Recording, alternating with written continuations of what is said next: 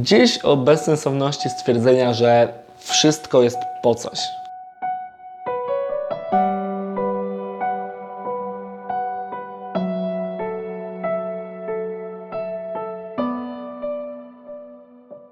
E, Temat, który dzisiaj podejmiemy, jest dość trudny i też bardzo złożony, E, ale spróbujemy sobie na niego w jakiś sposób odpowiedzieć.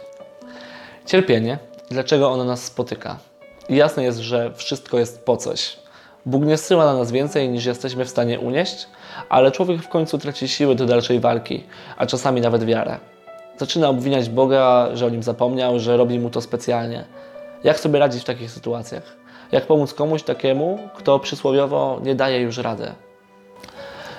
E, I to, co jest bardzo ważne w tym temacie i musi na początku wybrzmieć, to to, że Bóg nigdy nie zsyła cierpienia, trudności, e, choroby i innych tego typu rzeczy, nawet po to, żeby osiągnąć jakieś dobro. Bóg może co najwyżej takie coś dopuścić. Dopuścić, czyli zadziałać w sposób nadprzyrodzony.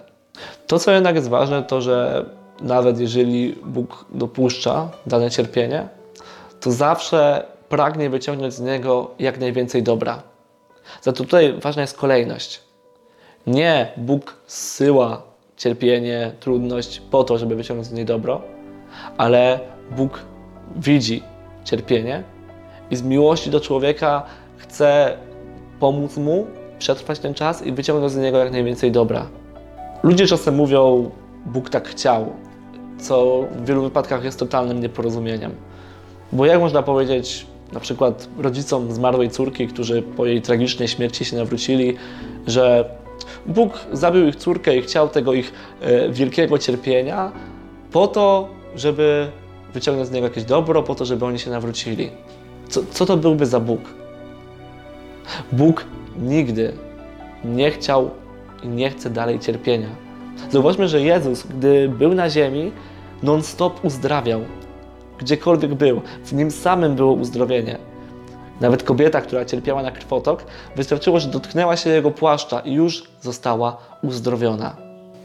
I to, co ja tutaj mówię, to nie jest jakiś mój wymysł. O tym pisze innymi też e, święty Jakub w swoim liście. Niech nikt, kto przechodzi próbę, nie mówi, moja próba pochodzi od Boga. Bóg bowiem jest niepodatny na próbę ze strony złych rzeczy. Sam też nikogo w ten sposób nie doświadcza. No dobrze, ale skądś to cierpienie musi się wziąć? I właśnie ono może mieć dwa źródła. Źródło niezawinione i to, które wynika ze złego działania człowieka.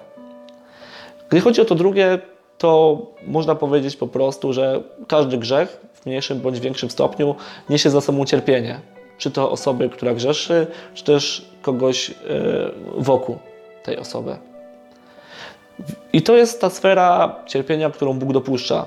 Dopuszcza z tego względu, że dał nam wolną wolę i w nią nie ingeruje. Jest jeszcze to cierpienie niezawinione, którym może być na przykład jakaś choroba dziecka od urodzenia yy, albo jakiś kataklizm. Yy, I jaka jest przyczyna? Cóż, różnie. Biologia czy meteorologia. Za to pytanie, które można tutaj postawić, yy, to takie, dlaczego Bóg to dopuszcza? Bo wiemy, że to dopuszcza.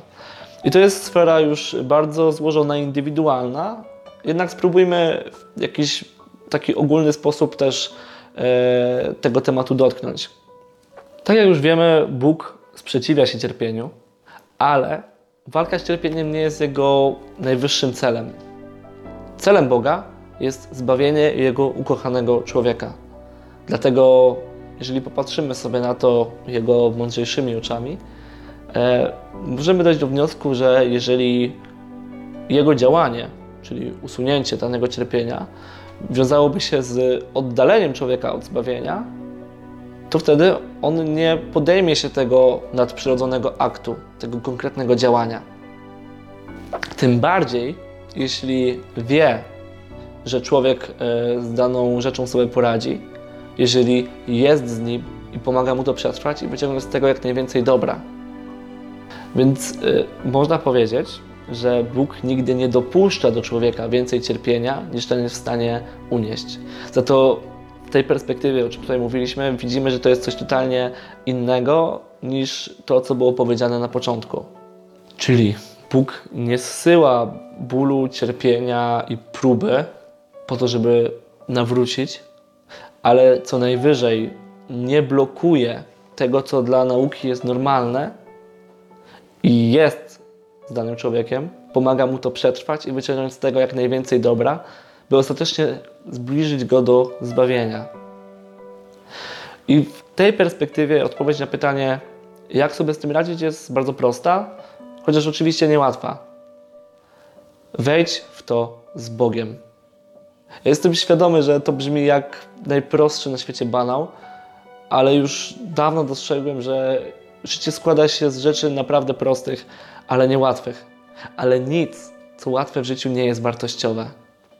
Więc zachęcam Cię do tego, bądź z Nim. On naprawdę Cię kocha, chce być w tym razem z Tobą, by przez to prowadzić Cię do wiecznego szczęścia.